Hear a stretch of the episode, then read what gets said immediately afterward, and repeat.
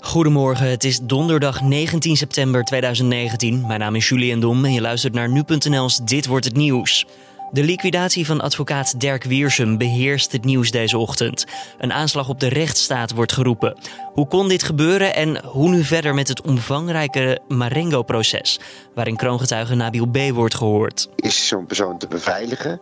Uh, wie moet je dan beveiligen? Is iedereen wel te beveiligen? Dat is een discussie die, die de komende dagen gaat zien. Maar ook het hele probleem is natuurlijk die, die, die drugsoorlog waar zoveel geld in omgaat. Rechtbankverslaggever Joris Peters was dat. En straks praten we hierover uitgebreid met hem verder. Eerst ander nieuws van gisteravond en afgelopen nacht. De Britse premier Boris Johnson moet voor het einde van de maand met uitgebreide plannen komen voor een nieuw Brexit-akkoord. De Franse president Emmanuel Macron en de Finse premier Antti Rin willen de plannen zwart op wit in handen krijgen. Als dat niet gebeurt, lijkt het anders een no-deal Brexit te worden. Volgens een woordvoerder van de Britse regering zijn het Verenigd Koninkrijk en Europa nog altijd druk met elkaar in overleg en worden er ook stappen gemaakt. Johnson liet eerder al weten te denken dat het mogelijk is om een deal rond te krijgen op de belangrijke EU-top van 17 oktober. De Franse premier zegt echter voor die tijd al plannen te willen hebben, zodat alle landen de tijd krijgen om deze te bestuderen. Central Park in New York, het bekende park van deze wereldstad, wordt verbouwd voor bijna 100 miljoen euro. In 2021 moeten de werkzaamheden van start gaan. Met name het noordelijke gedeelte, dat grenst aan de wijk Harlem, wordt onder handen genomen. Dat gedeelte heeft minder bezienswaardigheden en dat moet veranderen.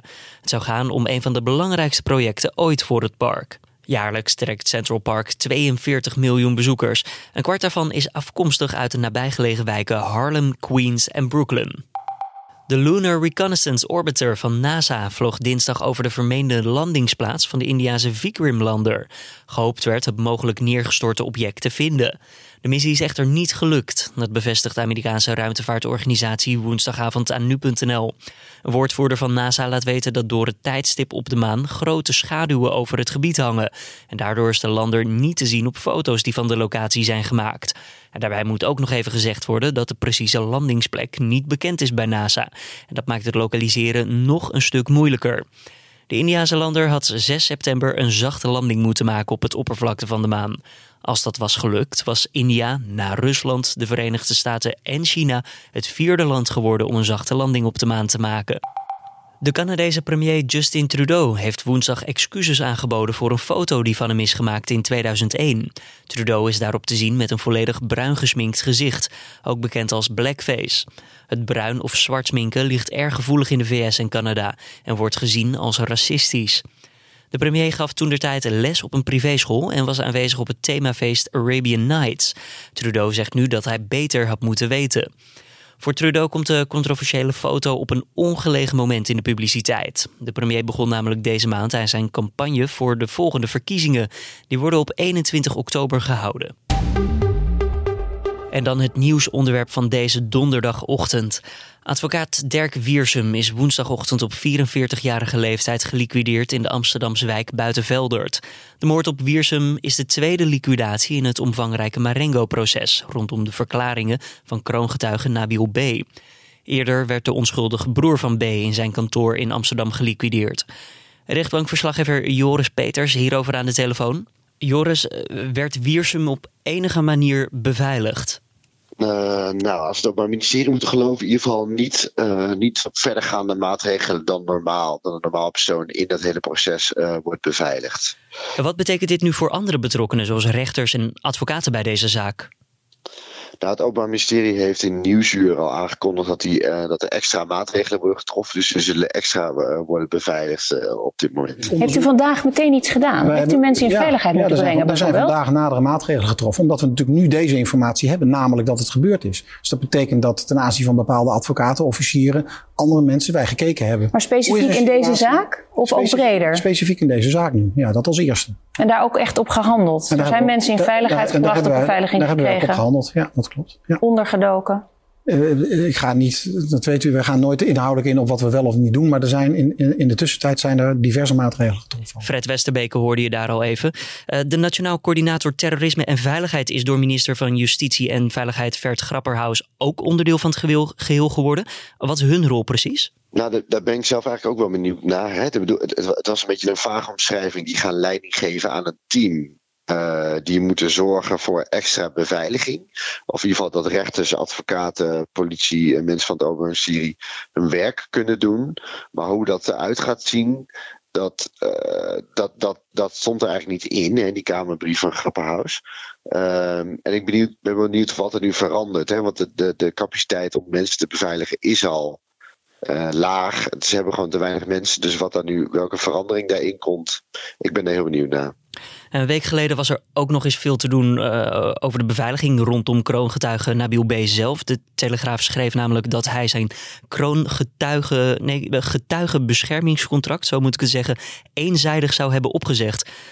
Wat kan je daarover zeggen?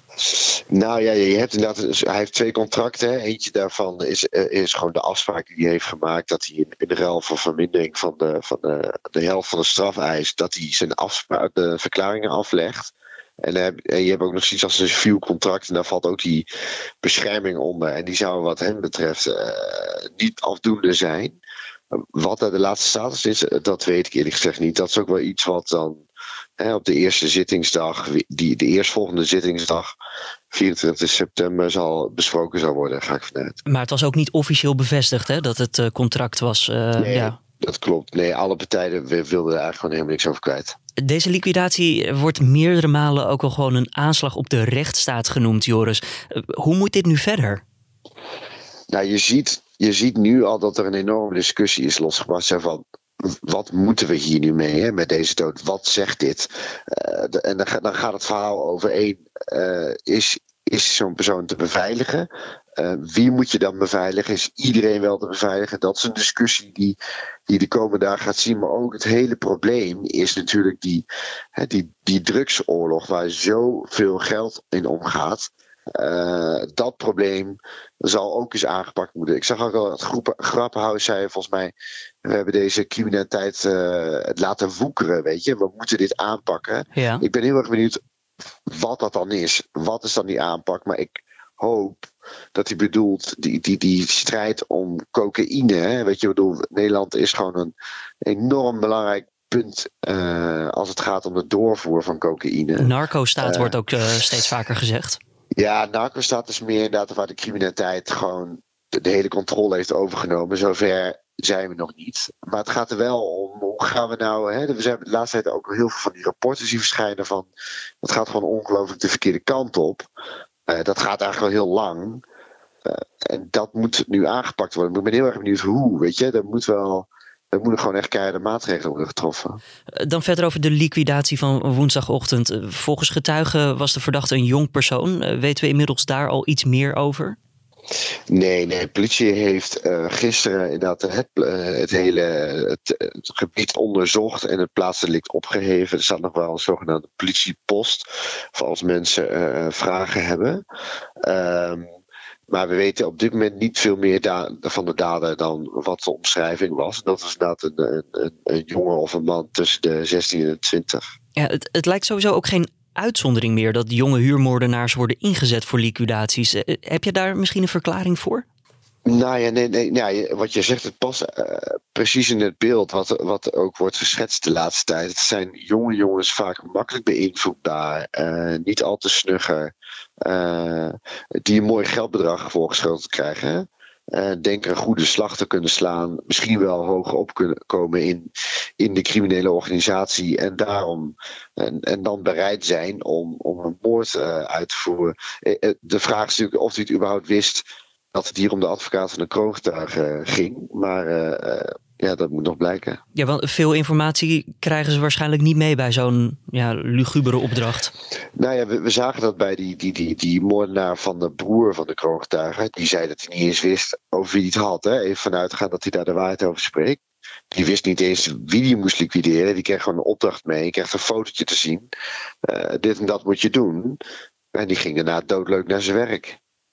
Er wordt gezegd dat uh, Ridouan Taghi achter deze moord zou zitten, achter deze opdracht. Eh, wat kan je daarover vertellen? Nou ja, dat is, dat is inderdaad wel de, dat is wat iedereen dacht, wat iedereen denkt. En dat is ook wel het belangrijkste scenario waar het Openbaar Ministerie uh, van uitgaat. Ze zullen uiteraard ook rekening houden met andere scenario's. Maar goed, ja, hè, gezien, het, gezien het verleden, gezien deze zaak, zijn reputatie en het feit dat Dirk Wiersum de advocaat van de kroongetuige was ja, dan, dan is dat een beetje een soort. Is, is dat een logische gedachte en ook helemaal geen gekke gedachte. Nee, want voor de duidelijkheid, Nabi Oubé, de kroongetuige, die geeft dus informatie over de zaken van uh, Ridouan Taghi aan het Openbaar Ministerie. Ja, precies. Hij heeft er heel veel verklaringen over afgelegd en, en wijst hem aan op, als de opdrachtgever van, van heel veel liquidaties. En dat is ook de reden dat, dat Taghi weliswaar bij Verstek, maar ook hiervoor wordt vervolgd. Volgende week, uh, ja, als je dan naar de rechtbankagenda kijkt, dan staat de zaak daar weer gepland in het justitieel complex op Schiphol. Ja. Wat gaat daarmee gebeuren nu? Nee, ik, verwacht, ik verwacht gewoon dat hij doorgaat. Uh, uh, heel simpel, omdat ook gewoon de voorlopige hechtenis van de verdachten die in dat proces terecht staan, verlengd moet worden, al dan niet. daar is een zitting voor nodig. ik denk dat, dat de veiligheidsmaatregelen daar, die zijn al scherp, hè, maar die zullen dan nu weer verscherpt worden. De vorige keer heb ik ook wel eens meegemaakt. Het is vlakbij een, uh, bij het complex van de Marseillais. Die zullen met nog meer uh, wagens klaarstaan. Bussen werden, werden toen doorzocht. Die zou je legitimatie moeten uh, laten zien. dat zijn allemaal logische gevolgen. Maar dat, snap je dat? ik verwacht ook niet zo snel een actie van Taghi of zo. Je weet natuurlijk nooit. Die man staat heel veel in staat. Um, maar je zal het, dus, het zal heel erg zichtbaar zijn dat de extra maatregelen getroffen zijn. Ben, ben jij erbij volgende week als het dus inderdaad doorgaat? Ja, zeker. Ja, zeker. Ja. Um, dan ook nog eventjes, ja, gisteravond eh, vond er nog, nog een schietpartij plaats in Amsterdam. Ja. Ja, redelijk opmerkelijk natuurlijk, twee op één dag. Is, is er een connectie? Nee, nee, daar wordt niet van uitgegaan. Het, eh, Amsterdam heeft te maken laatst met heel veel schietpartijen en ook steekpartijen. En ook dit, weer, dit keer in Zuidoost. Uh, maar dat om een gerichte actie gaat, ook deze keer weer. Dat, dat is wel uh, het scenario. Hè? De persoon die in de auto zit, onder vuur wordt genomen door jongens op een scooter uh, die snel weg zijn. Ja, dat, dat past allemaal in een scenario van een liquidatie. Ja, weer die jonge jongens waar we het toen straks al over hebben gehad. Ja, precies. Ik weet in dit geval even niet zo over leeftijd. Maar goed, ja, wel weer twintigers volgens mij op een scooter die, die dit uitvoeren. Ja, ja, het is bizar. Joris, dankjewel voor deze toelichting. En uiteraard, als je op de hoogte wil blijven over de laatste ontwikkelingen, we volgen het volledig op nu.nl. Dan ook nog verder de nieuwsagenda voor deze donderdag. Tijdens de tweede dag van de algemene politieke beschouwingen ondervraagt de Tweede Kamer premier Mark Rutte over het op Prinsjesdag gepresenteerde kabinetsbeleid. Het hele kabinet is aanwezig bij het debat in de Kamer. Vorig jaar richtte de oppositie haar pijlen tijdens de beschouwingen vooral op de afschaffing van dividendbelasting. En zo na het weerbericht nog meer over die eerste dag van de algemene politieke beschouwingen. Dan ook vandaag bij de rechtbank in Antwerpen staan actrice Emanuele Grieves en twee Amerikaanse medeverdachten terecht voor het bezit van drugs. Ze worden verdacht van drugshandel op het festival Tomorrowland. Grieves zelf is niet aanwezig. Volgens het Openbaar Ministerie had ze bij haar aanhouding in juli ecstasypillen, MDMA, cocaïne en ketamine in haar bezit. Op haar logeeradres werden nog veel meer drugs aangetroffen, ook amfetamine, GHB en cannabis. En na twee dagen Champions League begint de groepsfase in de Europa League donderdagavond. Feyenoord, AZ en PSV komen daar in actie. De Rotterdammers gaan op bezoek bij de Rangers in Schotland. En AZ is in Servië voor een wedstrijd tegen Partizan Belgrado. PSV ontvangt het Portugese Sporting CP in eigen huis. Dan nog het weer. De dag die start met motregen in het westen en zo'n zonnige periodes in het zuidoosten. In de loop van de dag trekken de laatste wolken boven het land weg en heeft de zon vrij spel. Het wordt maximaal wederom zoals gisteren 17 graden. En ik had het al gezegd, maar meer eventjes over de algemene politieke beschouwingen in Den Haag. Nu.nl volgt het debat uiteraard en zowel gisteren als vandaag blikken we tegen het einde van de dag terug op de belangrijkste momenten middels een uitgebreide video. Je hoort politiek verslaggever Avinash Biki over een uitspraak van VVD-fractievoorzitter Dijkhoff. En soms lees je nu nieuws waardoor je denkt dat het Philips van nu ook wel ver afgedreven is van die Philips-samenleving en daar niet meer zo goed in past als vroeger. Ja, dan kom je op zijn dag uh, soms ook een aantal bijzondere termen tegen, maar uh, die van Philips viel mij het meest op. Ja, uh, Klaas Dijkhoff had het over de Philips-samenleving. Hij had het erover dat hij zelf uit Eindhoven komt.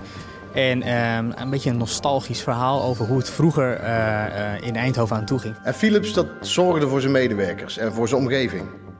Het was niet alleen maar loon betalen en dankjewel voor je werk. Het was ook zorgen dat de gezinnen het goed hadden.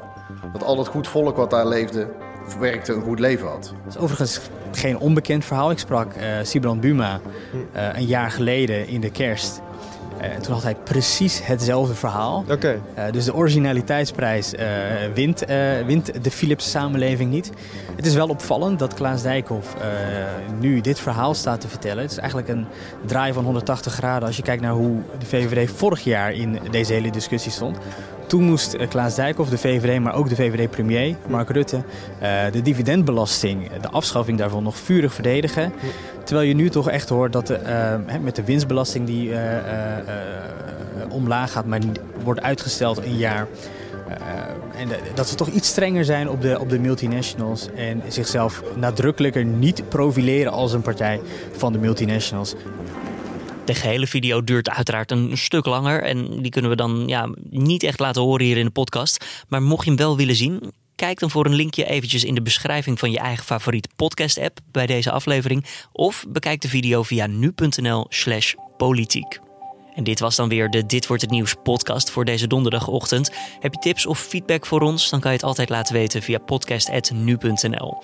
Abonneer je ook zeker op de Dit Wordt Het Nieuws podcast. Dat doe je gewoon via je eigen favoriete podcast app, welke dat ook is. En dan krijg je er op vrijdagmiddag ook nog eens de week van nu bij. Een gratis podcast uh, kunnen we zeggen, waarin de hoofdredacteur Gert-Jaap Hoekman met de redactie de week bespreekt zoals we die mee hebben gemaakt bij nu.nl. Mijn naam is Julian Dom, voor nu een goede donderdag en tot morgen. Dan is Carne van der Brink weer terug op deze plek.